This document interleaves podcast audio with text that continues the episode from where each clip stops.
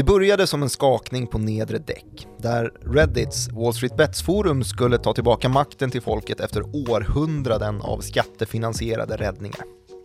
Wall Street-skeppet började också ta in vatten när hedgefonderna skälptes via en aldrig tidigare skådad blankarbränning. Innan silverblankande storbanker skulle bli nästa dominobricka att falla på vägen mot det stora slaget mot centralbankerna själva. Där de förlegade papperspengarna skulle krossas och bytas ut mot ett framtida finanssystem upprättat kring bitcoin. Eller hur var det egentligen? Ville Reddit inte sänka silvermarknaden? Vad var konspiration och vad var verklighet i denna massmediala saga och vem skulle egentligen sitta kvar, bortkollrade av prat om GameStop, Naked Shorts, Gamma Squeeze spoofing och Long Call Ladders när skeppet gick under? Det här är Follow the Money, en podcast om makt, storfinans och börsen av mig, Martin Nilsson, och här för att sprida ljus över det just nu enda diskussionsämnet på finansmarknaden har jag med mig den utbrände utrikesredaktören Joakim Rönning, som ju plockar upp dirigentpinnen igen efter en vecka av omåttligt folkligt intresse för stånksmarknaden. Hej Jocke! Tjena! Hur mår du den här gången? 3 av 5. 3 och 5 från Mm. 2 och 5, Ja. rätt håll. Du, eh, det här Jävlar vad, vilket, vilket surr det är nu. Verkligen, det har det verkligen varit. O- Otroligt spännande vecka. Ja, min mest, eh, vad ska man säga, min mest påfrestande vecka sen i mars, när det var coronakrasch och allt föll med typ allt. Just det, du var ju helt plötsligt epidemiolog där ett Ja. tag. Det var ju Precis. utmattande förstår Det jag. var ju spännande också. Eh, det här är spännande på ett annat sätt. Det är det På ett verkligen. kanske ännu roligare sätt. Eller det var inte, det var rätt kul då med, för det var så spännande grejer som hände. Mm. Eh, Men där var det förankrat i någonting Det var väldigt förankrat i, tragiskt. i något ångestfyllt. Det här är också lite ångestfyllt kanske för en del individer, men på det stora hela så sätter det ju Det öppnar ju upp för så sjukt mycket intressanta diskussioner och Folk vill prata om finans på ett sätt som de inte gör annars. Verkligen, jag har aldrig varit uppskattad Alla i mitt är gäng förut. traders, eller som det heter på Wall Street Bets, retards. Ja, just det. För det är nämligen ett anagram, eller? Ja, jag fattar vad du menar, när man byter plats på bokstäverna och så blir det något annat. Ja, jag vet, ja, jag vet inte vad, det är säkert fel ord. Nej. Men man, om man kastar om bokstäverna ja, så blir det samma, kan man, kan man skapa samma ord? Mm, ett pentagram. Precis, Du- och Wall Street Bets, jag, gud jag- jag tar all syra här nu. Mm. Eh, Wall Street Bets är ju då den här subtråden på Reddit som har eh, satt igång den här eh, GameStop-fadäsen som vi pratade om förra avsnittet och vi kanske hade gjort bäst i att säga först av allt att man bör ju lyssna på det avsnittet först innan Jag, man jag trodde du det. tänkte säga like, like subscribe, men, men det, man också också. Men verkligen, lyssna på det avsnittet först för att Som är lätt vårt bästa. Nej det är kanske inte det. Men det det är blir väl, alltid det är bättre och bättre. Vi Ja. är fan som, som silverpriset. Nej, fan det följer då. Eh, Men jag tänker mig att vi, vi tar en liten en recap, attacken mot En kort Wall Street. recap, Jätte, ja. Jättekort här. Mm. Som jag sa då, att Reddit har ju hamnat på allas läppar. Mm. Och det här under forumet eh, Wall Street Bets, där man då har pumpat GameStop-aktien Mm. i syfte att bränna blankare i form av hedgefonder Just det. som har blankat eh, GameStop då. Och hur har GameStop rört sig egentligen sedan det här inleddes? Eh, något helt eh, makalöst. Mm. Eh, som mest har den väl varit upp eh, 18-faldigat insatsen på, om man hade köpt aktien vid nyår så hade, hade man haft 18 gånger pengarna eh, när den stod på sin topp då. Just Sen så har det fallit tillbaks och nu ser det väl ut att vara över. över helt. Den är ju men fortfarande... Ja, den sen- handlar alltså fortfarande på helt sjuka nivåer om man jämför med var den stod när det här började. Och Mm. ja, det, så så sätt så är det ju inte över. Men eh, de som köpte på toppen är ju som vanligt eh, förlorarna. Ja. Men så är det ju alltid på finansmarknaden. Men någon som också att någon verkar... annan tjänar pengar menar du? Ja, det är Ja. alltid, och det är inte jag. Nej. Någon som ofta eh, har blivit synonym med finansmarknaden också är ju eh, Elon Musk tänkte jag, Jag få in i det här avsnittet. säg inte Elon Musk nu för då stryper jag dig, men det kan du väl få göra då? Jo, men för han det. har faktiskt en central del i det här Mm. också. Lite för att han har varit, eh, vad säger man, blankarnas eh, motståndare Ja, tidigare. och en påhejare av GameStonks. Jo, men han är ju en, eh, alltså att världens rikaste man också är en Ett otrolig meme, Ja, meme-fantast. precis. Han är ju- en meme-fantast. Och Det är ju någonting. han, han har ju då, för, alltså det kan man ju faktiskt lasta honom för lite grann, att nu har det ju fallit ihop här GameStop, eh, som är ner med, ja typ 50% sen toppen, Mm. mer. Uh, intradagstoppen var ju typ runt 500 där och nu är den väl ner Exakt, idag är det den 2 februari och det är en tisdag. Ja, och idag precis. så är den Vi gör ju det här dagen innan det släpps då på onsdagar Just det, så funkar industrin. Ja, och, Insikt i ja, poddbranschen. och, och den är ju ner eh, väsentligt då från Tappade en tredjedel igår och tappade väl typ en fjärdedel i förhanden Ja, idag. eller en tredjedel till och med Okej. till Så att vi, vi har ju klättrat ner ganska duktigt Mm. Eh, och att då som Elon Musk gjorde gå ut och ja, ironisera över GameStonks eh, leder ju till att han blir som någon sorts temperaturmätare i marknaden och det ledde ju till att ett, ett fall i förhanden byttes ut mot ett, eh, en uppgång då. Men så hade man då, eh, som någon av de här miljonerna följarna som Elon har, faktiskt köpt GameStonk när han då sa GameStonk, så hade man gjort en ganska rejäl förlust fram till idag i alla fall. Men Mm. rörelsen är ju faktiskt inte slut än. Kanske. Nej, det kanske inte är. Men, vi har fått... I alla fall, det är, det är lite problematiskt då. Jag vet inte om det är det som ligger bakom, men han har ju även varit ute och håsat eh, annat och fått eh, SEC på sig, alltså den amerikanska finansinspektionen. För nu här på tisdag förmiddagen så var han ute och skrev att eh, jag tar en liten paus från Twitter. Mm. Så han är, inte, han är tyst på Twitter nu och det har han ju även varit i andra lägen som bland annat när han tvingades betala 4 40 miljoner dollar till SEC i böter för att han hade han hade skrivit eh, att Tesla skulle go private och allt det här med 420 och Just det. han, har ju, han är ju omsusad på Twitter, han har ju även kallat en eh, en brittisk dykare för pedo guy och allt möjligt och fått Du, det var du som ville strypa mig när jag tog upp Ja, Elon, nu är det du som håller honom om vid liv. Ehm, Om jag säger Vlad Suglobov istället då? Ja visst, på tal om finanspotentater som är emot blankning uh, Så är V- vem är han? ett namn, han, han är ju G5 Entertainments VD Är han vår Elon Musk då? Ja jag antar det Han, han, och var i alla fall ute och skrev ju att eh, vevat vevat mot blankarna och tyckte att det var en dum sak. Mm. Och samma sak med ett namn som vi tidigare haft, ju Shamat har ju varit eh, ute och, och varit, tagit en, nej jag kan inte efter Palliapatia Palliapatia. Ja, sparkkungen Mm. Ja men det, det är ju en sällan skådad eufori vi får uppleva i marknaden här eh, kring de här aktierna och eh, det blir ju en hjärntvättstämning med alla dessa memes och det blir sekterism av det lite grann och som sagt min värsta jobbvecka, kanske fel att beskriva det som, för det har varit en bara en sjukt späckad jobbvecka Mm. och Till skillnad från spackad som det var för några veckor sedan. Ja, precis. Och mycket aktivitet, mycket folk som hör av sig och både hatar och uppmuntrar. Mm. Och um, Det har ju faktiskt till och med sipprat ut i politiken så småningom. ja, precis. Och, men också då att eh, liksom allmän media har börjat plockat upp det här. Och det gör, man, gör ju alltid allmän media ett par, par veckor efter att det faktiskt har varit Ja, jag tycker att det, jag var inte så orolig för det först. Men jag har sett en liten grej och det kan vara också så att jag, det är delay på Avanza-statistiken eller så, men jag har hållit ett öga på hur många aktieägare som GameStop har haft från, från Mm. Avanzas håll då alltså. Och i förra veckan, eh, när det här då verkligen briserade, eh, det briserade egentligen helgen, så att det var redan på måndagen så var det ju ordentliga rörelser. Första rörelsen kom i fredags för en och en halv vecka sedan då. mm, Eh, riktiga eh, uppskjutet där. vecka tre. Så heter det. Tack. Eh, och då snackar vi alltså ett par tusen avansägare. Och i slutet på förra veckan så snackar vi 15 000 och sånt där. Och nu verkar den sista skjutsen verkligen ha tagit i, för vi närmar oss 40 000 aktieägare på Avanza som äger GameStop alltså. Och det oroväckande i det där verkar ju att det där verkar ju ha sammanfallit med typ när Rapport tog upp det första gången. Jag såg att om det var Aktuellt som hade med mm, Niklas Andersson, sparekonom på Avanza och eh, Katrin Martial som jag tror är på SvD, jag vet inte. Så var det något i Eh. Aftonbladet Daily också. Försöker du håsa dig själv här nu? Ja, jag vet att du var med i Aftonbladet Daily, men jag vill inte lyfta dig för att jag hade gett dig i uppgift att namedroppa Follow the Money som, hur många gånger eh, som helst. Och hur många gånger lyckades du? Jag var bara ute efter min personal fame. Mm, det blev så. Nej, det, var, det blev så. Behöver ingen reklam, det går så bra för oss ändå.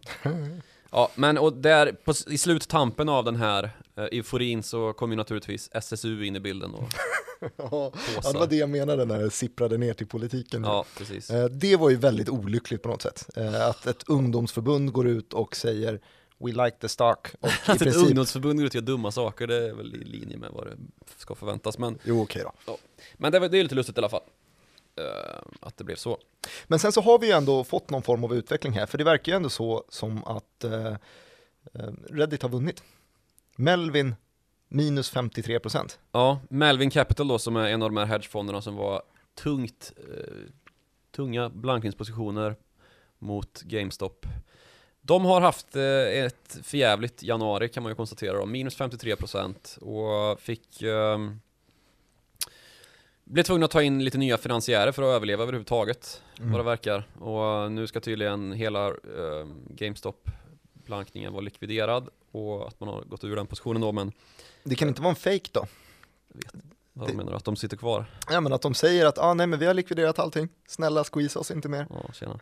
Skulle kunna vara. Ja, det är flera än eh, Melvin som sitter, sitter där i Mm. den snegungan. Verkligen. Eh, men... eh, En annan huvudkaraktär där har ju varit eh, citronen, eh, ja, Andrew Left. Andrew Left ja. ja, vi kan, vi kan väl, ja. Vi kan väl komma in på det alldeles strax. Men först så vill jag ta upp Reklam. att Whale Rock, Okej. ja, ingen reklam för Whale, varken Whale Rock eller Fingerprint Cards. Vad har de för relation? Ja, Whale Rock det är ju en gammal historia då om att Whale Rock är den tyngsta blankaren i Fingerprint. Eh, som i sin tur är den mest blankade aktien på, jag vet inte hela Stockholmsbörsen men i, Jo men det har Ja. det faktiskt varit. Alltså Intrum har ju länge haft Ja. den där tronen som den mest blankade, men Fingerprint har på senaste seglat upp i toppen. Men det växlas ju lite hit och dit. Och det gillar ju inte Fingerprint, så då gick man ut och sa att "Nej, men det här stämmer inte. De här, den här rapporteringen, är, den är skev på något vis. För Whale Rock har då legat så himla länge i den här blankningspositionen att det är helt orimligt att de inte skulle ha likviderat den. Just det, och då menar man då att det kostar nämligen pengar att ligga kort i ett bolag för att man lånar ju Ja. aktien och betalar då en, En antagligen daglig premie eller någonting Ja. för att få göra det. Men sen så började ju Whale Rock då skruva ner den här blankningspositionen som inte fanns enligt Fingerprint. Mm. Så den fanns ju visst. Ja, det var lite roligt. Och det ledde ju den här blanknings, eh, vad ska man säga, blankade aktier-håsen eh, sammanfallande med Whale Rocks nedskruvning ledde ju då till att det blev en, en eh, rätt bra kursspik i Fingerprint Cards som steg typ 25-30% intradag och sen så stängde väl typ 20% upp. Tror du att det här var ringa på vattnet från Reddit-rörelsen att de var rädda för att bli Alltså, klämda? Ehm, man kan i alla fall säga så här att onsdagen i förra veckan, i vecka fyra alltså, hade den tredje högsta VIX-rörelsen någonsin. Och VIX är då volatilitetsindexet Just det. som, ehm, ja, den, den högsta procentuella eh, ökningen i VIX skedde förra onsdagen då, för en dags handel. Mm. Och det är ju väldigt sammanfallande med när Reddit-håsen var som starkast. En annan hade ju trott att typ en pandemi hade kunnat skaka till det lite mer. Kanske Ja. hade kunnat. Ja, men eh, det här, det här kan ju då vara en konsekvens av att många hedgefonder tvingades likvidera och ehm, andra positioner för att kunna täcka de här Mm. blankningspossarna Det då. betyder ju då att oavsett om det finns väldigt många småsparare som, som jag tror i alla fall som har hamnat jäkligt snett i det här så kanske det har fört någonting gott med sig att folk har sett över sina positioner. Sen så vill jag ju kanske inte Jävlar rakt av, ja otroligt krystat, men jag tänkte nämligen komma in på det här med att jag har eh, irriterats över i veckan så har ju suttit och läst spaltmeter Reddit och Facebook-forum och aktieraketer och så vidare. Och det finns så otroligt mycket hat mot blankare. Jag tycker det är jäkligt o, eh, ogrundat. Jag tror att det, det, fin, det, är, en, det är en hygien... eh, Ja, det är en hygienfaktor för finansmarknaden är Och det är ju där någonstans vi bör komma in på Citron Research då som eh, stod för den mest uppmärksammade eh, nyheten från själva industrin här förra veckan. Mm. När då Andrew Left sätter sig i en eh, YouTube-video, eller en video som publiceras på sociala medier är det väl egentligen, och deklarerar att Citron då som är kanske, ja, förmodligen världens mest kä- kända och eh, Numera. ja, eh, blankningsspecialist då som publicerar case på aktier där man har granskat bolaget och kommit fram till att det här är inte en det här bolaget handlas inte till en motiverad värdering. Mm. Aktien ska alltså ner så sälj aktien om ni har den och hinner och gå kort. Alltså typ. Det de gjorde på GameStop när aktien Ja. låg i 40 så sa de det finns ingenting fundamentalt bakom det här. Det här är Precis, i den här uppgången då som hade skett, eh, Reddit initierat, sa man att den här aktien kommer sjunka tillbaks till 20 dollar snart. Mm. Eh, Chi fick de. Chi fick de när den stod i 500 några dagar senare. Ehm, precis, men då går alltså Citron Research ut och deklarerar att vi slutar med blanknings, ehm, att publicera blankningsanalyser. Det är väl inte eh, ekvivalent med att säga att vi slutar med blankningsanalyser. Man ska helt enkelt sluta publicera dem öppet då. Men att man ska istället fokusera på att publicera eh, långa analyser, alltså case då där man tror på aktien eh, och att man har en så kallad multi-bagger framför sig, alltså en aktie som kan dubblas och mångdubblas eh, i värde. För att man har, har en, en etisk och, och just att det ska sammanfalla då med en etisk och eh, liksom försvarbar och hållbar affärsmodell pratade Andrew Left om. Och det är ju väldigt påtagligt då när en sån här högprofilerad blankningsspecialist som har varit väldigt involverad i GameStop-fadäserna går ut och helt, helt enkelt fattar beslutet att vi kan inte hålla på med det här längre, för det kostar oss för mycket. Och Mm. marknaden har blivit så liksom svårhanterlig ur ett blankningsperspektiv när sådana här grejer kan inträffa. Inte för att det aldrig har skett förr liksom, men just att blankarna har ju varit på samma sida som redditarna är nu, tycker ju Andrew Left. Mm. Eh, för att, och det kan man väl liksom skriva under på att så har det ju varit. Det handlar om För- att krossa imperien. Precis, det har handlat om att liksom eh, gå ut på Wall Street, leta upp fula fiskar, där ägare då har satt ut ja, men, bluffbolag på börsen, fått investerare och i form av liksom vara månde småsparare eller pensionsfonder eller vad det nu än handlar om, att investera surt förvärvade skattade pengar i att eh, ett bolag har en teknik som är revolutionerande när tekniken egentligen inte överhuvudtaget finns. Mm. Eh, för sådana case finns det ju och det är många sådana case som avslöjas av just blankare.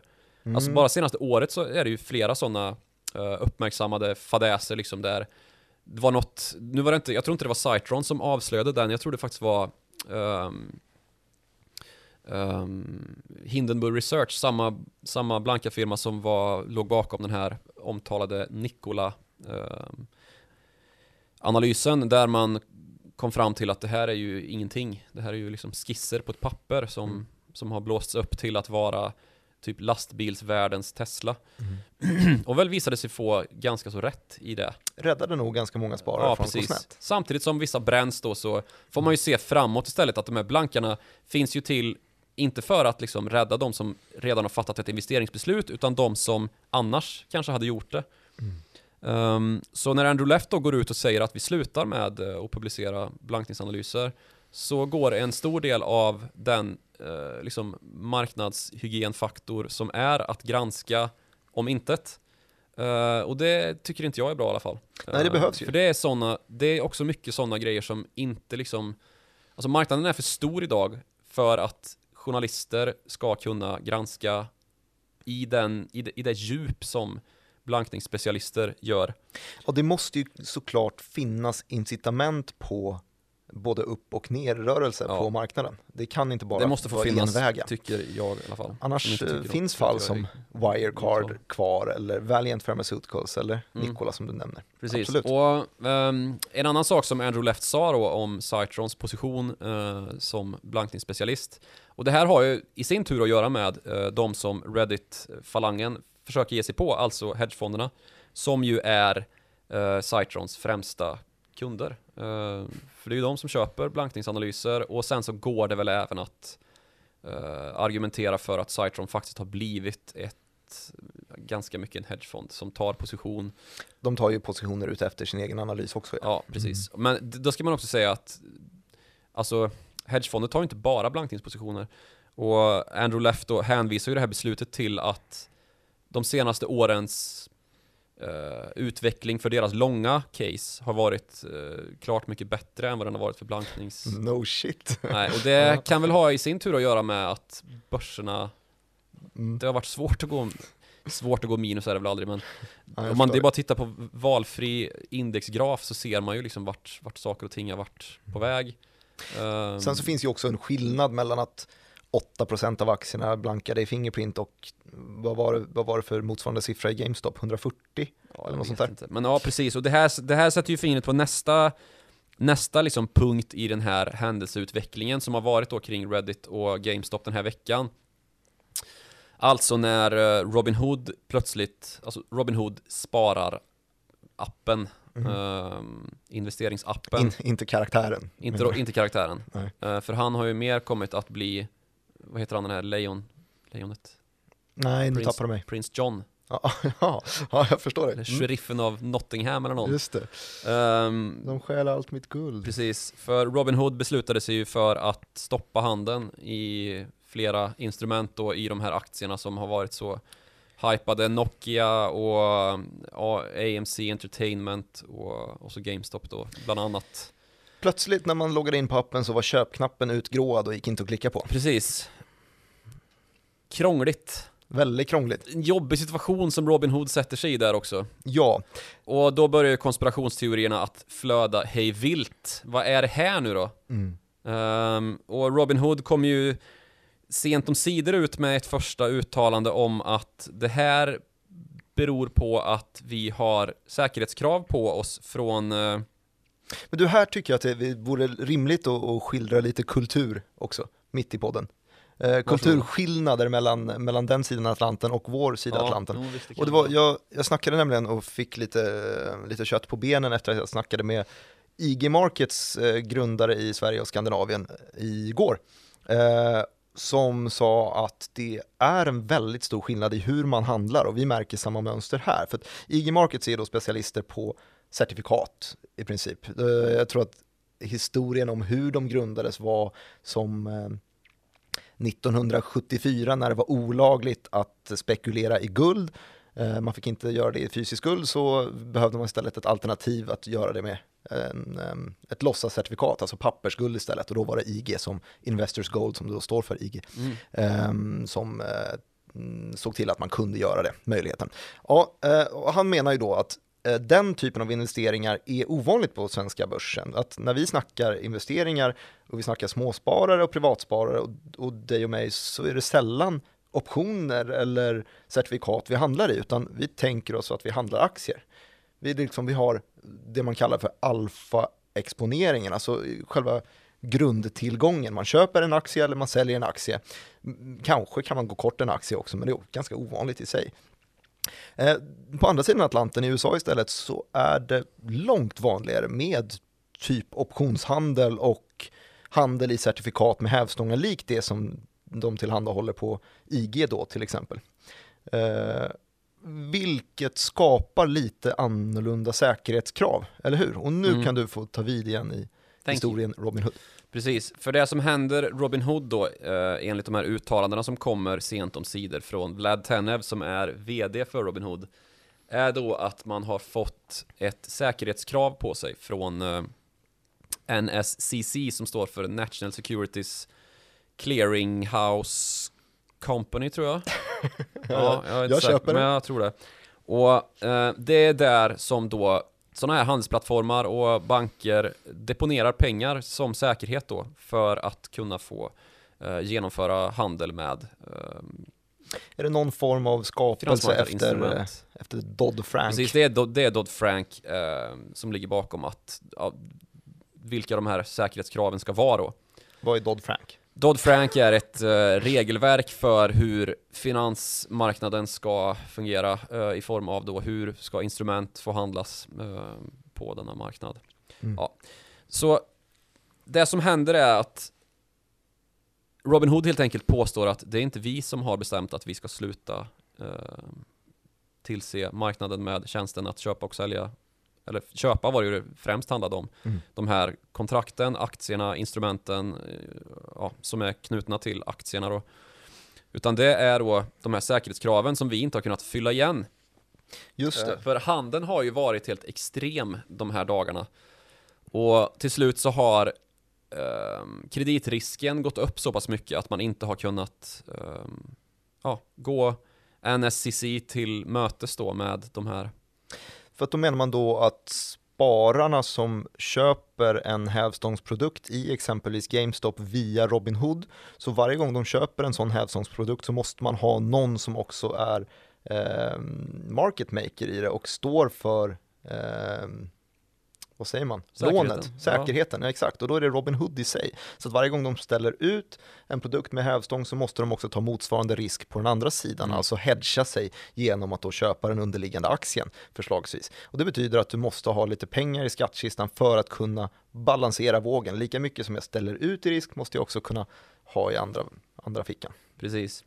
Och ehm, det här, det här liksom följdes ju då av att Robin Hood gick ut och, ska man säga, tog ett lån, eller ja, man gjorde en emission och tog in en miljard dollar då för att kunna tillse det här hålet i i NSCC-deponeringen. Mm.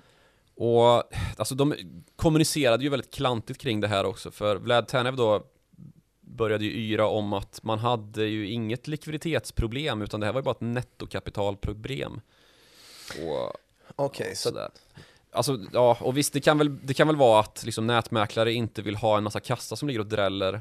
Eh, och att man liksom inte har ett, vad ska man säga, kassaöverskott har man nog inte, även om man har en hög omsättning liksom. Nej, man hade nog kunnat, inte kunnat förutse att det plötsligt skulle bli ja, motsvarande eh, 35 000 nya Avanza-ägare, fast Nej, precis. i, Ehm, i amerikanska mått istället. Och, Och i- sen, så, ja, och sen så här på måndagen då så, så tillförde man ju ytterligare 2,4 miljarder dollar i ny, eh, nytt kapital då för att stärka upp och just försäkra sig om då att det här inte kommer liksom upprepas ehm, med nya ehm, stopp då i de här i de här olika instrumenten som blev så extremt hårt handlade.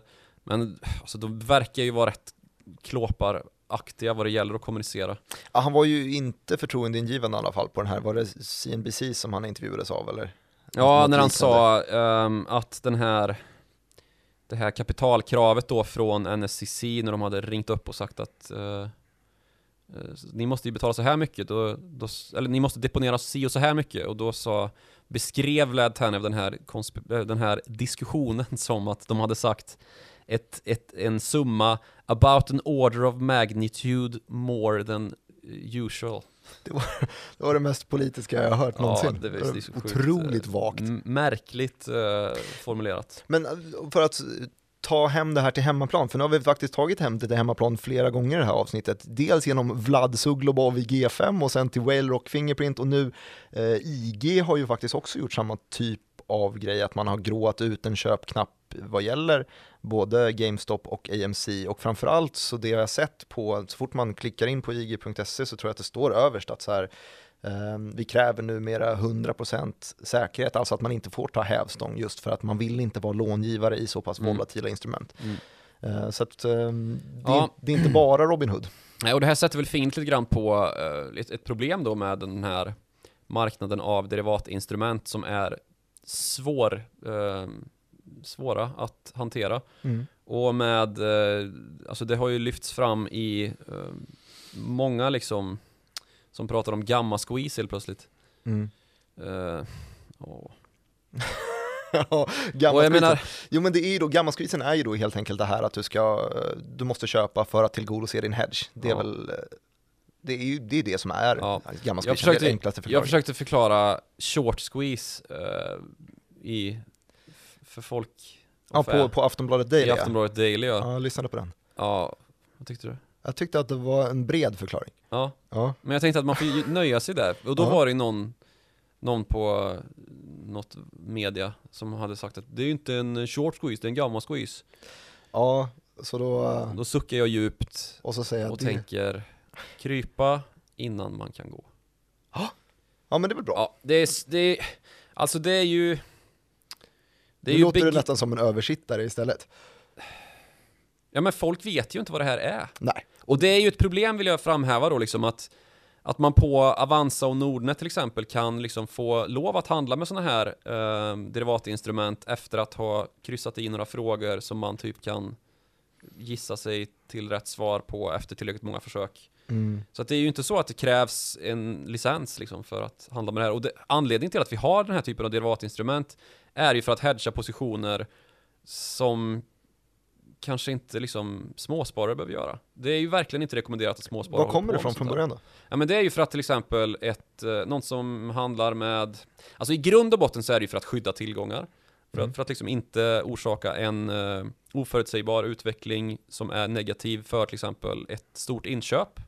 Eh, som till exempel kan användas av flygbolag som vill säkra upp kring att man kan ha en förutsägbar vinstavkastning trots att oljepriset havererar i olika riktningar. Mm. Så flygbolagen hedgar ju mycket för sitt bränsle då liksom på oljemarknaden. Mm. Och det finns ju en mängd andra Exportföretag, Liksom. Ja, valutahedgar antagligen för att få en lite jämnare. Exakt. Mm. Så det är ju den typen av aktörer som, som, som egentligen de här instrumenten är eh, ämnade för liksom. Inte för små, småspararportföljer som kollapsar för att någon har tagit en liksom GameStop X3 Bull. Mm. Eh, nu vet jag inte om det finns på Nordnet och Avanza. Det hoppas jag inte. Förmodligen inte. Nej, det gör det inte såklart. Men, men det finns ju där ute liksom. Mm. Ehm, I USA finns det definitivt. Ja men det verkar ju som att det är långt mer Det är utspritt låg, i USA. låg hävstång till och med. Ja, tre var lite, Ja, du tog inte i där inte. nej. Men du, vad säger andra sidan då? För att det finns ju... Ja, den här konspirationsteorin tänker du på, om vad som egentligen låg bakom att Robin Hood plötsligt stängde av handeln, eller stängde av köpknappen på ja, vad är det det står överst på eh, Wall Street Bet? Citadel, står det där. Mm. Eller att de här hedgefonderna då, som Citadel är ju en av de större hedgefonderna i USA. Eh, och Citadel är en av uh, möjliggörarna för Robin Hoods gratiskortage uh, affärsidé. Som inte är gratis. Nej, för den är ju inte gratis. Det gick vi också igenom i förra avsnittet då, att den här, det här Payment for Order Flows, eh, som ju är, alltså man bygger intäktskällan på att man inte har samma köp som säljpris i, i uh, market makern istället. Mm. Alltså att den som eh, köper något gör det till ett högre pris än vad den som säljer får ut av affären. Och så tar market makern det som en avgift och skickar tillbaks till Man tar små, små, små delar av precis, kakan små, små i varje som- som affär istället. Knappt märks liksom, men, men det blir ju massa då, då leder det till att man istället vill eh, som market maker då, eller som, som transaktionsleverantör som ju Robinhood kan eh, betraktas som då, vill få så mycket transaktioner som möjligt att skicka över till market maker som till exempel Citadel kan vara som är den som eh, Så pengar flödar i Robin Hoods riktning eh, beroende på hur Citadel, ja. många eh, Ja, affärer precis. som görs. Och Mm. det vet jag att det, det ställer vi oss frågande till om det faktiskt skedde på hemmaplattformarna också. Det eh, har jag listat ut att det gör det nog faktiskt, både på Avanza Nordnet och IG och de där. Ja, Eh, har vi så svar på det också. får du payment for order flows. Ja. Ja. Ehm, men då, den här stora konspirationen då är ju på så sätt att um, Citadel blev blåsta i sitt GameStop, i sin GameStop-blankning, blev av med en massa miljarder där. Och nu så försöker man hämta ikapp där då genom att eh, typ blanka på nytt och genom att man stänger av handeln i trading-appar så leder ju det naturligtvis till att folk säljer hejvilt och så kan man Okej, så att Hämta tillbaka. ena, ena förklaringen är att det är kapitalkrav från myndigheter som gör att vi, vi gråar ut köpknappen i Robinhood. Mm. Och den andra eh, förklaringen eh, är att det är Citadel, Citadel som har tvingat Robinhood för att slippa bli squeezad. Ja men alltså, ja visst, ja. Men det, jag hör ju på dig att du tror på det förstnämnda lite mer här. Tror ingenting. Nej, det gör du inte. Men du, jag skulle vilja gå vidare till nästa del, för jag berättade här i Nej, inte slut introt. nu? Du är inte klar? Är det inte slut nu? Nej, det är det inte. Du, du får fortsätta bli utbränd ett tag till, Ja. kära utrikesredaktör. Jag vill gå in på silver istället. För att det har ju varit nästa steg i det här, i alla fall om vi ska tro introt som jag berättade här, att först ska GameStop vältas och sen så ska eventuellt silvret också squeezas. Vad är bakgrundshistorien där? Ja, det är ju då att, eh, ska man säga, aktivistfinansvärlden har fått eh, börjat vädra blod här och eh, ser chansen att nu kan vi välta hela det finansiella systemet eftersom att vi kunde välta en aktie och några hedgefonder. Ja, men för det har ju faktiskt växt någonting från att ha varit bara ett Reddit-fenomen så är det ju långt större nu. Ja, nu det... det har ju varit större också, eller större, det har ju varit större än bara Reddit liksom. Det är ju inte Reddit som ligger bakom den här trenden. Den har ju funnits tidigare. Nej. Den är väl Wall Street Bets snarare än alltså Reddit under forumet då, där det här har pågått. Där är väl Wall Street Bets bara en, liksom en eh, alltså cause and effect. Det är väl, det är väl en, en konsekvens av strömningar som har funnits under en tid liksom. Mm. Med det här decentraliserad finans och ehm, vilket ju i sig är resultatet av att det före, förekom, förekommer en massa fiffel på i det finansiella systemet. Vi har, har- räddat banker och finansinstitut i hundratals år. Eh, allra senast eh, finanskrisen när hela bankvärlden blev bailad i princip. Och ja, nu är man trött på det här och har bestämt sig för att först ska vi ta hedgefonderna och när vi lyckades med det så ska vi ta bankerna i Mm. sin tur. Och- Missnöje har grotts någonstans Precis, i att... eh, och så har man då sett att silver är en position som eller en tillgång som blankas väldigt högt hos storbankerna. Här skulle jag faktiskt kunna fylla i. Eh, För att jag hade en liten tur i morse så, så intervjuade jag Erik Strand heter han. Han förvaltar AUAG Silver Bullet och en annan AUAG-fond som jag inte kommer ihåg vad den heter just nu. Förlåt Erik. Ehm, Det är väl en eh, energi... Ja, just det. Det, det, det är en, en grön fond också. Mm. Eh, Men den här Silver Bullet i alla fall, det är framförallt exponerat mot Silver Miners då och är man exponerad mot en Silver Miner så får man ju också lite guld i kistan också. Men vi pratade väldigt mycket om det här, den här Silver Squeezen, om den är möjlig eh, och, och hur den i så fall skulle kunna gå till och vad skillnaden är från GameStop, en GameStop Squeeze. Och den, den stora skillnaden är väl mängden som är, som är blankat. Eh, Det är inte... Jag menar att silvermarknaden är större än GameStop-aktien. Ja, jag menar framförallt att silvermarknaden antagligen är lite större än silvermarknaden. Mm. Men han nämnde då att det är ganska spännande det här med just kursmanipulationen i silver. För vi har sett, eh, och det vet ju både du och jag, och du har skrivit mycket om det, eh, om JP Morgan och Deutsche som har blivit dömda för, för Ja. spoofing ju. Alltså eh, fake-ordrar i princip, eh, manipulation. Eh, manipulation light kan man väl säga att det är. Ehm, och det man har gjort då, som Erik förklarade, det var väldigt mycket att man har, eh, man har ridit på vågen av silverpriset och eh, manipulerat den lite samtidigt. Så att man har pö om pö tagit eh, kortningspositioner, sen så har man gått, gått lång och sen har man blankat, så har man gått lång och så vidare. Och följt vågorna och tjänat pengar i både upp och nedgångar. Och han berättade en grej just som jag tyckte var lite beskrivande, att Ofta så, så gick det till så att man, man tar en kort position och sen så över natt natten när marknadsvolymerna är lite lägre, typ när Asienbörsen är öppen så ser man till att man genom spoofing-taktiker, eventuellt då som JP Morgan och Deutsche blivit dömda för, eh, så trycker man ner kursen eh, och lägger lägre och lägre ordrar ordrar när volymen är lite lägre så det är lättare att komma undan med det. Tills att man når nivåer som är ja, i ögonfallande Ja, när sen hemmamarknaden Ja, så att när hemmamarknaden ut, liksom. sen vaknar eh, på, på morgonen och ser att oj, fan vad priset Ja, vad sjönk här, här under? Asienbörsen så är det folk som blir rädda och, Mm. och säljer och där har man lite uppfyllt det. Och sen så när priset är tillräckligt lågt, då släpper man positionen och så går man lång igen. Mm. Men nu är det så att Eh, JP Morgan verkar ha avyttrat väldigt många av sina eh, blankningspositioner. Det skedde under våren 2020. Intressant, för det har ju verkligen inte eh, speglats i den här, ska man säga, rapporteringen kring Silver Squeeze som ju har blivit trendande sen, det var väl typ i fredags eftermiddag som det blossade upp som ett liksom påtagligt case att silverpriset stack iväg och folk undrar vad som händer och så är det no så, Ja, men JP Morgan har varit förövaren tidigare om jag förstår det här rätt. Ja. Att de har liksom varit huvudpersonen, Ja, den största. Ja, och det precis. kanske är från det här som du har pratat om tidigare, jag vet att vi har pratat om finanskrisen, Mm. att det jag tror att det är JP Morgan som har ärvt Bear Stearns. Precis, som Bear Stearns då som, som är ett eh, finanshus som gick omkull under finanskrisen och var ju en av de utlösande faktorerna vid sidan av Lehman Brothers. Mm. Eh, det var ju deras liksom sista trade ble- blev ju eh, silverblankning.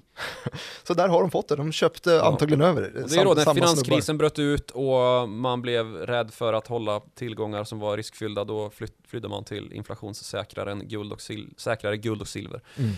Eh, Men, men för att fortsätta den här historien då, så att det var under, eh, under 2019 som ett stort gäng av de här bankerna tog en stor blankningsposition. Eh, och då precis på samma sätt som man har gjort tidigare, tänker att man rider på den här blankningen i, i någon månad, plockar hem lite vinster och sen vänder.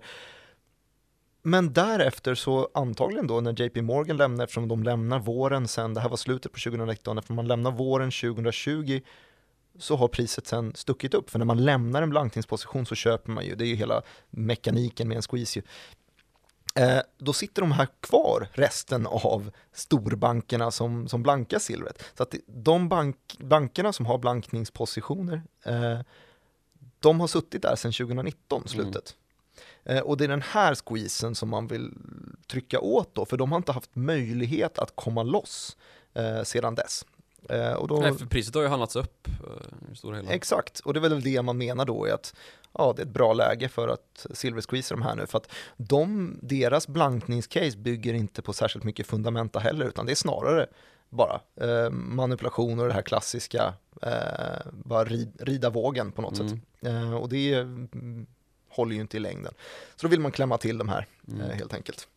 Eh, så Ja. beskrev han det. Men så har vi då hög blankning uppenbarligen, det är ju Mhm. känt. Ehm, och vi har en aktör som bestämmer sig för att eh, gå loss och köpa, köpa hej vilt. Mm.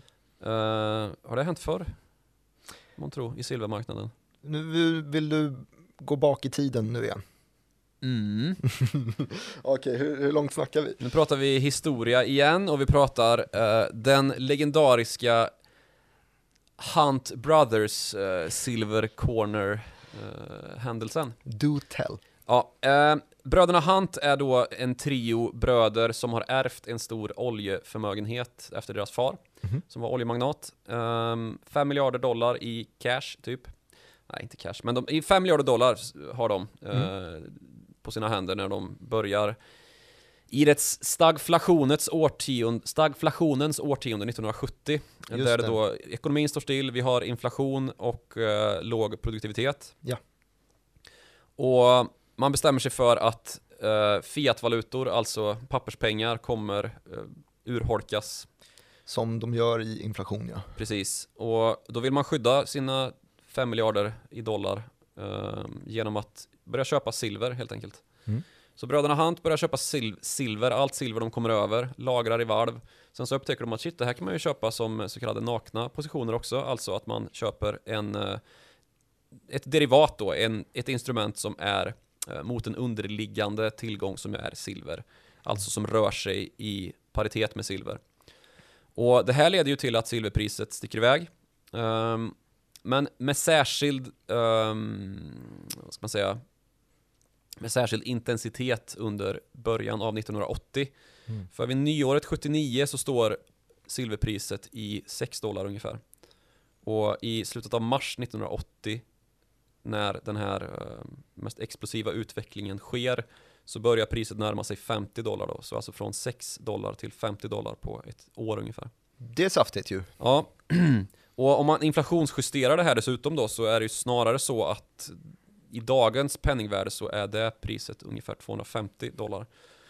Och det är de här liksom nivåerna som det diskuteras ganska mycket om nu då. Och att man ser då att kunde Hunt Brothers göra det här 1980 med hög blankning då från bankerna Mm. eh, eventuellt. Vad kan då Vad fem kan vi då göra miljoner nu? Reddit-autister göra? Precis, vad kan då 8 miljoner Reddit retards göra om inte ta en corner på marknaden Mm. och bara köra upp priset, krossa bankerna. Ehm, ja, vad kan de inte göra? Men du, hur- hur Eh, de gick kan det ju, för- för Precis, Hunt? det är dit jag ska komma nu. Ja, förlåt. att de kan ju inte göra det. För det kunde inte bröderna Hunt heller. För det här leder ju bara till att det kommer in en statsmakt i form av en myndighet som säger app, app, app. Så roligt ska vi inte ha. Tjaskigt. Ja, eh, och det här händer ju alltid. Det har hänt efter det också. Eh, Att man då har från myndighetshåll gått in och ställt upp nya säkerhetskrav, vilket leder till att marknaden kraschar. Man går in och säger till Robin Hood att hörru, stäng av köpknappen. Ja. Är det samma liknelse? Nej. Ja. Ja. Kul. I princip så är det ju det. Nu vet jag inte om jag, jag tror inte att, eh, jag tror inte att eh, NSCC ändrade några säkerhetskrav utan att, eller det kanske de gjorde, jag vet inte. Det kanske var där någonstans som Vlad Tenev gick bort sig i sin kommunikation. Mm. Ehm, alltså Robin Hoods VD då, när han skulle förklara det här, vad, vad som hände. Mm. Snöade in på likviditet kontra nettokapital Mm. istället.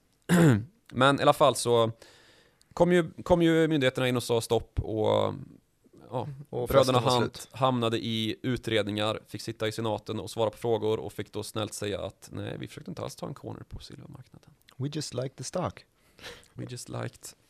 Men du, det Bekymmer. här eh, Silver Squeeze, är det ens Reddit som är bakom det? Nej, precis. Vi ska ju ta det försiktigt här också. Uh, sånt här får man ju mycket näthat om man inte är tydlig med att Ja.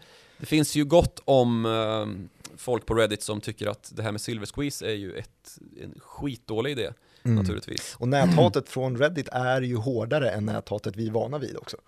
Ja men, ja men det är ju det, det, alltså man, det är ju inte så att man sitter, sitter och blir ledsen över att, att någon påpekar att eh, man har fel. Eh, det får man väl tycka och, Ver- ver- verkligen, ja. verkligen. men, eh, men det är ju tydligt också att det här i mångt och mycket rör sig om folk som har hakat på en hås. Mm. Och att det inte bara är initierade investerare som har ett, ett liksom, en lång eh, erfarenhet av finansbransch eh, och som kanske i grund och botten mer reagerat på trend, alltså att det här har blivit ett gyllene tillfälle att utmäta finansmarknaderna så som det har uppenbarligen funkat då med en del hedgefonder Eh, och om man nu var tidigt in i det här då via GameStop-aktien Mm. Eh, Men att den här liksom välviljan som lyfts fram då i form av att man ska ta tillbaka makten över finanssystemet och man ska utmäta bankerna som har liksom bedräg, bedrä, bedragarna på, på Wall Street. Mm. Det blir lite så här, vad är höna och ägg här då? Ehm, Ja, och lite vad är, vad är motivet? Eh, Är, ditt, är din stora övertygelse och ditt, ditt drev, ditt driv här i livet Drev. att... Ditt drev. Nu kommer vi få ett drev på det. Är, är drivet bakom den här rörelsen att försöka, som du säger, krossa det finansiella systemet? Eller finns det en smula i dig som också bara vill tjäna pengar? För jag har svårt att tro då att personer som eh, har hängt på det här, svinduktiga, läst på mycket och så vidare eh, de senaste tre veckorna och kan det här caset otroligt bra. Jag har svårt att tro att, det är, att de drivs av just det politiska syftet att krossa de finansiella marknaderna. Mm. Jag tror att det här är en fight mellan girighet och, som du säger, välviljan. Och jag tror att det vi har sett prov på är att girigheten vinner. ja, Att priset, alltså, kommer priset upp i 800 dollar så då är det någon jäkel som känner att äh, nu, nu, nu plockar jag hem. Det är viktigare för mig att bli miljonär än att krossa det finansiella systemet. lite så. Mm. Eh, och det blir ju en sån fight som det alltid blir i, eh, i finansen, tyvärr. Mm. Eh, eller på, på gott och ont kanske. Eh, men det är ju just det att ehm, Ja, fighten mellan girigheten och välviljan. Ja, och det är ju inte, liksom, inte för inte som eh, den mest lästa artikeln på Wall Street Journal senaste veckan är den här om, eh, vad heter han, Keith Gill. Um, Ja, jag läste också den. Roaring Kitty eller vad han kallar sig. Eh, där har vi kanske liksom ringat in någonting om vad som är höna och ägg egentligen. Mm. För han har ju gjort sig rätt goda pengar på sitt GameStop-bet och det är han, han tillskrivs väl stora delar av den här um, håsen, det som satte igång själva håsen i alla fall på Reddit. Mm. Och jag tror att det är då, då många som har tjänat mycket pengar, men det är, man, det är väldigt många som tjänar pengar i pyramidspel också, eh, på ett eller annat sätt. Ja, och det är de som kommer ju, in sist som får precis. betala för det. Det blir ju det, och det är ju det vi ser nu liksom när det sitter uppenbarligen typ 40 000 svenska småsparare i en snegunga i eh, en amerikansk eh, gamingbutikskedja under utplåning Mm. och eh, ja, förlorar sina pengar liksom. Det är inte svårare än så. Nej. Och det är precis som i alla andra pyramidspel. Men vi får ju helt enkelt se hur den här historien slutar. Det, det är om man ska tro Reddit i alla fall inte över än. Du kastade ju ut en, en, en omröstning idag förresten, hur har det gått med den? Har du tänkt på om det är slut eller inte? Ja, exakt. Ja, då kan vi prata om det först innan vi ska prata om eh, centralbankerna i det här också. Vad ska vi prata om dem? Ja, det ska vi. Härligt. Verkligen göra.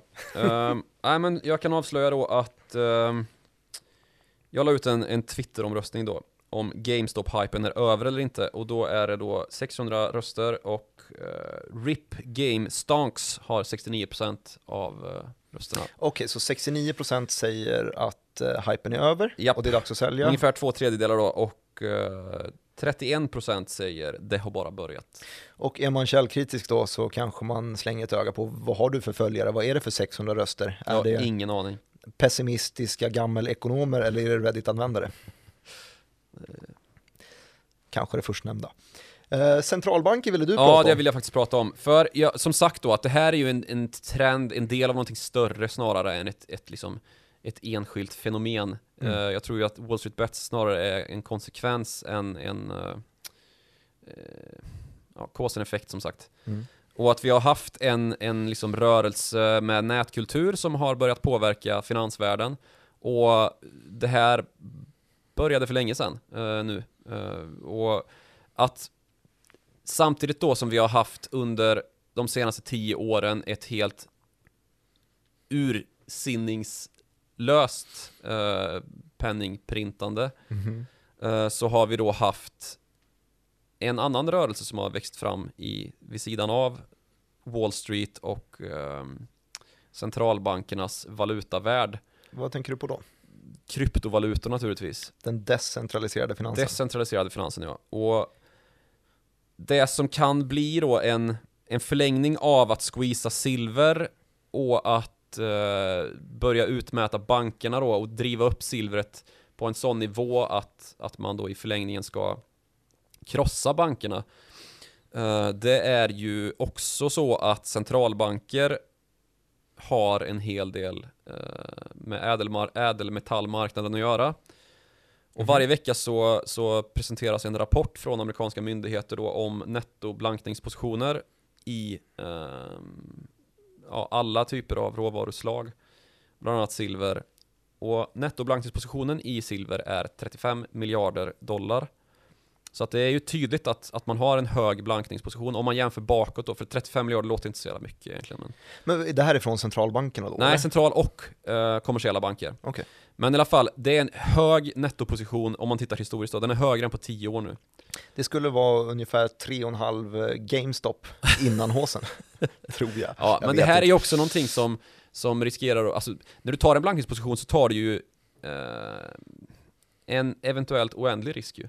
Ja, absolut. För det kan ju gå upp hur mycket som helst, det kan inte gå ner hur mycket som helst. Så det är ju inte, Ja, det är inte om vi ska tro på din teori om myndigheter, att de säger Nej app, precis, app. men det, det är ju det som gör att vi har de myndigheterna där som kliver in. Mm. Just för att det kan bli oändligt jobbigt för eh, myndigheterna själva, alltså centralbanken är ju en myndighet. Mm.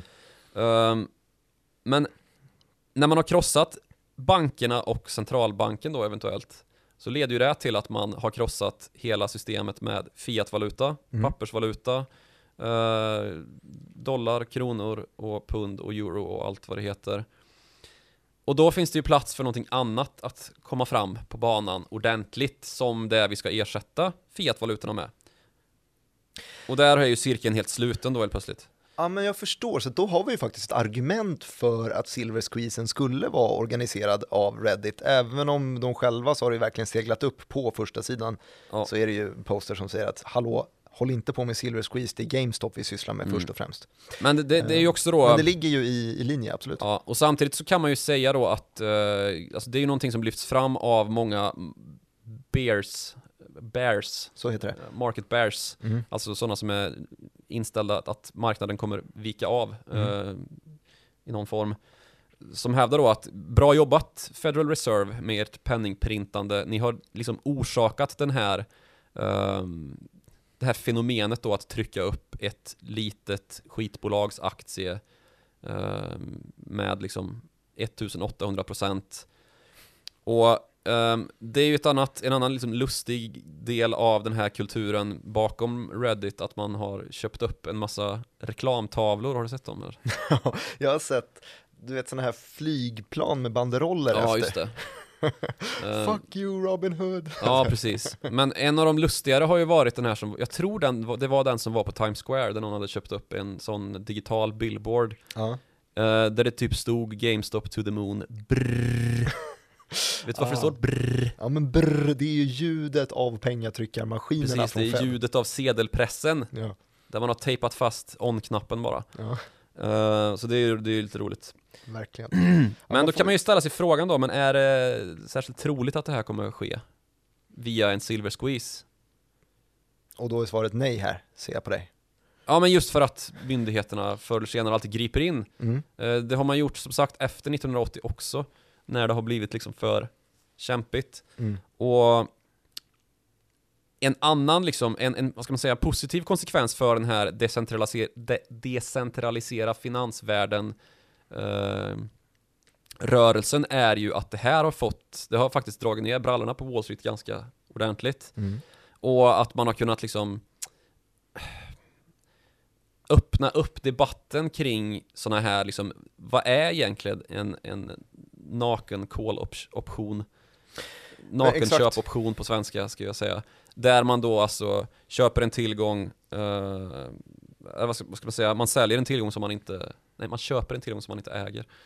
Eh, och dess motsats då, en naken eh, kortoption är ju att man säljer någonting som man inte äger.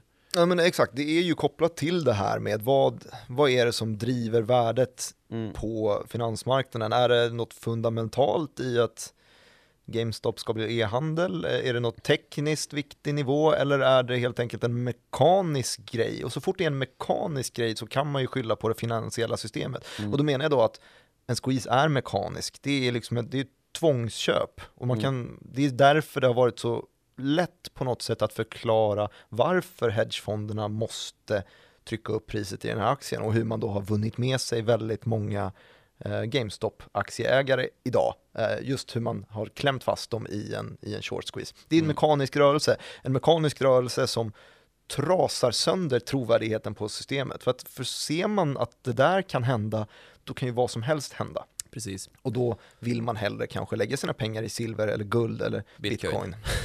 Precis. Ja, så det, det, är ju, det är ju delseger åt båda håll här får man väl ändå säga. Eller delseger, det finns väl inga segrar att hämta ut för, för eh, centralbanker, myndigheter och liksom det stora, det, det existerande finansiella systemet vi har överlag egentligen i det här. För Mm. det har ju som sagt dragit ner brallorna på eh, ja, börsen. Och Mm. många som har ställt frågan, men vad då? Ska man köpa en aktie till en uh, gamingbutikskedja när alla spelköp har flyttat online och butiksdöden är total? Mm. Och svaret Eh, Ja, är ja. om du säljer inom kort. Ja, eller har varit ja i alla fall. Ja. Men ehm, en grej som jag tycker har gått lite om intet i den här debatten som har varit ganska tvådelad då. Mm. Å ena sidan hedgefonderna ska dö och den andra sidan eh, men det här är ju, det här är ju liksom uh, hjärndött och huvudlöst. Mm. Är ju att det finns liksom då en internetrörelse, eller internetkultur då som förändras väldigt snabbt. Mm. Vi har liksom Reddit och sociala medier i övrigt där man kan ändra diskursen på en sekund när någonting plötsligt börjar trenda och diskussionen tar form liksom. Mm. Å andra sidan så har vi ett finansiellt system där eh, liksom det går väldigt långsamt när man ska förändra någonting överhuvudtaget. Mm. Det är liksom ledtider på 10 år. Och det kan ju exemplifieras då till exempel av att det har tagit oerhört lång tid att digitalisera det här finansiella systemet som vi har. Mm. Det är ju bara att kolla i valfri ehm, bankhandelsapp liksom. Att det är ju inte lika bra som det är i Avanza och Nordnet till exempel. Nej, exakt. Där har man ju verkligen tagit lead liksom i form av helt externa bolag som ägnar sig åt eh, småsparare och investerare privatinvesterare liksom. De har ju gjort, gjort det jäkligt bra att Ja. digitalisera och appifiera finansmarknaden. Men just att appifieringen av finansmarknaden är ju mycket, mycket långsammare än vad, den har, vad det har varit att appifiera en del andra grejer här i världen. Angry alltså- Birds kom före Angry Birds kom före Robin Hood. Ja. kan man säga. Och um, nu verkar det ju som att det här digitala fenomenet plötsligt gör intrång på uh, finansvärlden på ett sätt som är ganska revolutionärt ju. Att man vill förändra allting på en gång. Man vill störta hedgefonderna, man vill störta bankerna, man vill störta valutasystemet. Uh, och att liksom myndighetsmakten ändå ligger kvar hos centralbankerna och hos de här myndigheterna där alla tradingappar ska deponera sina säkerhetskapital. Mm. Eh, det har drivit upp en opinion förvisso då kring att eh, det kommer det, här- det kommer leda till utredningar. Det har ju, Robin Hood har ju stämts i flera fall redan av sådana här advokatbyråer som skickar ut eh, allmänna liksom, eh, proklamationer om att man ska höra av sig om man har förlorat pengar genom Robin Hood. Mm. Och det kommer leda till eh, utfrågningar i politiska församlingar, garanterat. Mm. Och det kommer ställas frågor som Va? Hur har det här någonsin kunnat vara tillåtet med naked call eller short options? Eh, precis som det gjorde efter den senaste finanskrisen 2008-2009 när man kom underfund med vad det här med subprime var för någonting och alla instrument som var relaterade till den skyhöga risk som det hade manipulerats kring då. Mm. Och det här kommer ju leda till att vi får kanske tillägg till den här Dodd-Frank, eh, det här Dodd-Frank-regelverket som vi upprätt, som fick tillägg då under, efter finanskrisen. Men det snackar vi snarare att revolutionen just nu, de här snabba rörelserna och inläggen på Reddit och så vidare, det, det kommer ju ta, det är decennier innan vi ser Jerome Powell i kommentarsfältet på Reddit-tråden när han börjar liksom justera Dodd-Frank 2. Det är Ja. långt fram i tiden. Ja, det är inte imorgon i alla fall. Nej. Eh, och samtidigt så har vi en finansmarknad då som upplevs väldigt trög och vad det gäller såna här eh, administrativa förändringar eller vad man ska säga. Mhm. Men hela finansmarknaden och alla aktörer där i är ju inte tröga eh, i sig liksom. Och samtidigt som vi har det faktumet ställt i sitt ljus så har vi ju också så liksom en, en rörelse i finansvärlden överlag eller i finansvärlden, i affärsvärlden överlag där alla vill vara techbolag. Mm. Och det pratas väldigt mycket om att ehm, den största tillgången i, eller den, den viktigaste tillgången i världen är i data. Och det är mycket företag som ehm, som det har börjat gro en debatt då kring att big tech är någonting farligt, att Google, Apple, Facebook, de äger våra liv, eh, de har all vår data och hela den här liksom tesen att om du har nytta av en tjänst eller en produkt som du inte har betalat för eh, så är det du som är produkten. Menar du nu att det inte finns gratisluncher? Ja, precis. Och det här tycker jag linjerar ganska bra in på vart vi hamnar med den här diskussionen då kring Reddit och ehm, Citadel och den decentraliserade finansvågen som vill förgöra allt vad Wall Street och moderna, vad ska man säga, konservativa finans-Wall Street består av. Menar du att det, det, en, en utbränd utrikesredaktör kommer med en tredje förklaringsmodell här? Här kommer den. Mm. För ehm, den här diskussionen som nu förs om Silver Squeeze och dess ursprung, om det nu är verkligen en Reddit-initierad Silver Squeeze eller inte, tycker jag blir intressant då i ljuset av att titta på all den här datan och alla de här hashtaggarna och de memes som florerar i den här internetkulturen. Mhm. För när Wall Street Bets säger att det är inte vi som ligger bakom Silver eh, Squeeze så får man ju börja fundera på vem är det då? Och om man då går till all den här datan och den här liksom synen på data som en tillgång så är det naturligtvis så att den är också eh, ute till försäljning och den som köper den är högstbjudande. Och högstbjudande är inte Wall Street Bets forum utan högstbjudande är snarare Citadel. Snarare Citadel ja.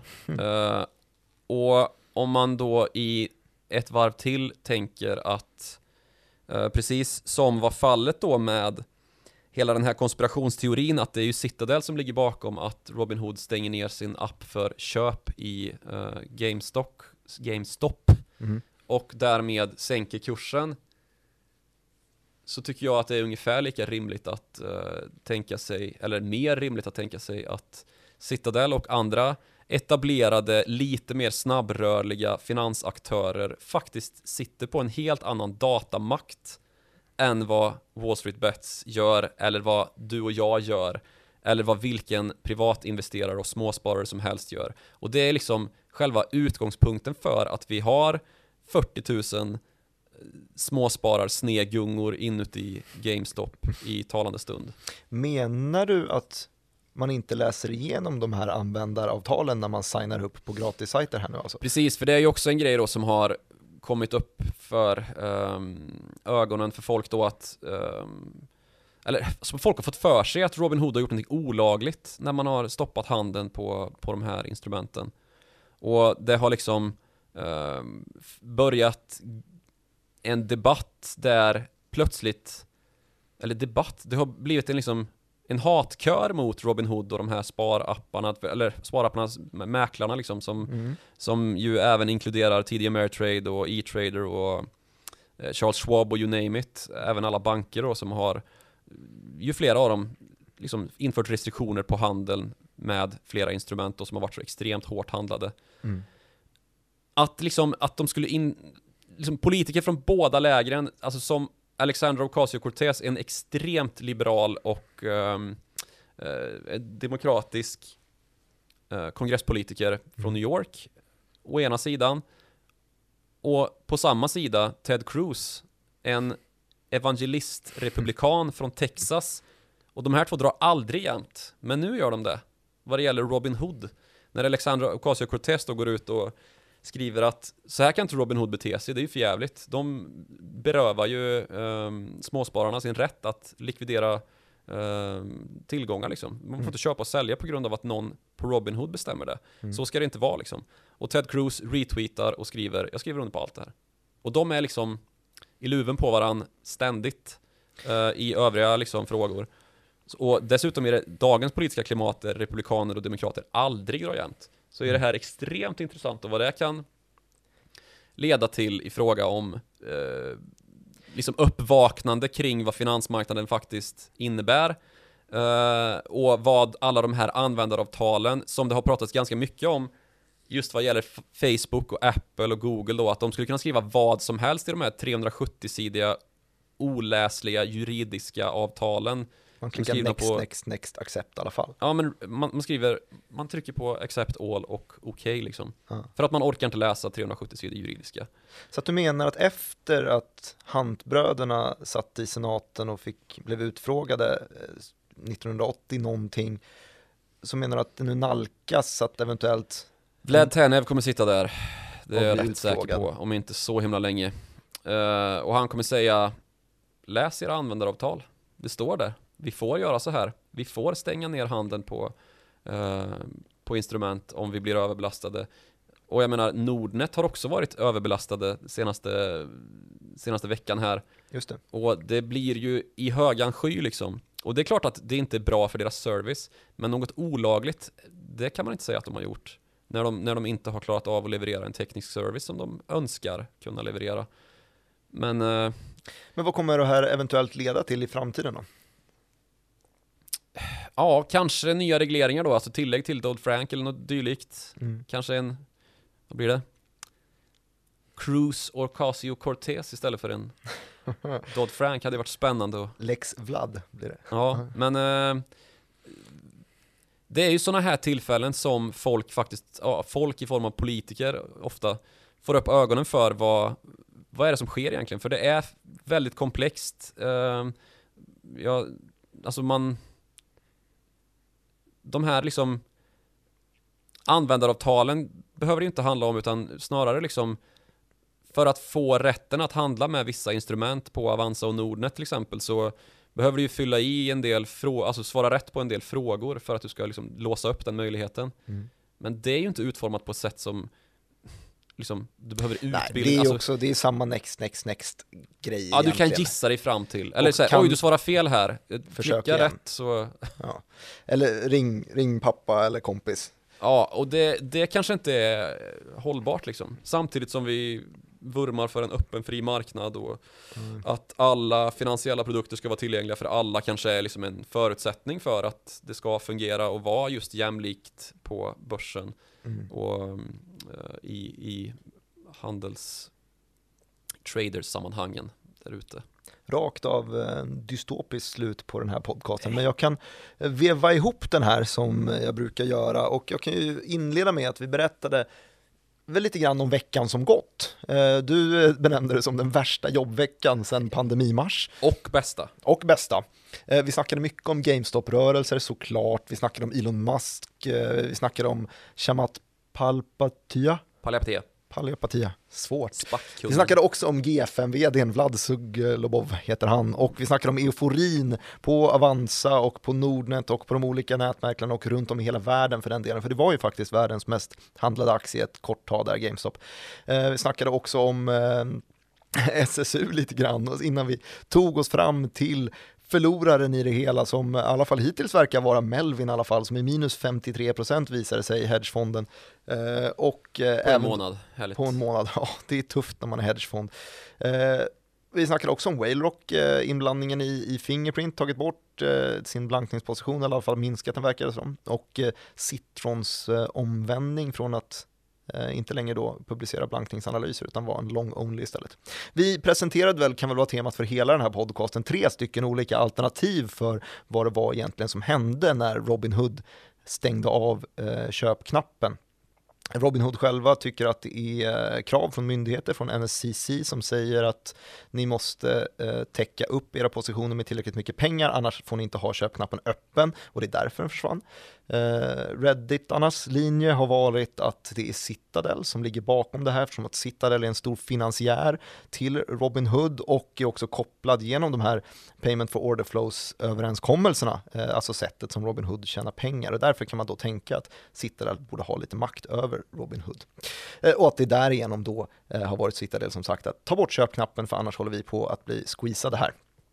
Eh, den tredje, det var den du precis eh, drog ut och det är snarare den stora big data-diskussionen och eh, även en stor silver squeeze ehm, ett stort silver squeeze-resonemang och hur det kanske skulle passat Reddit-användarna bättre än den här GameStop-grejen som kanske får vara lite mer av ett proof of concept innan man försöker sig på den stora silversqueezen istället som faktiskt kanske förändrar det här, det här systemet som du benämnde också var otroligt trögrörligt, väldigt, väldigt långsamt och vi sa att, vad sa du nu?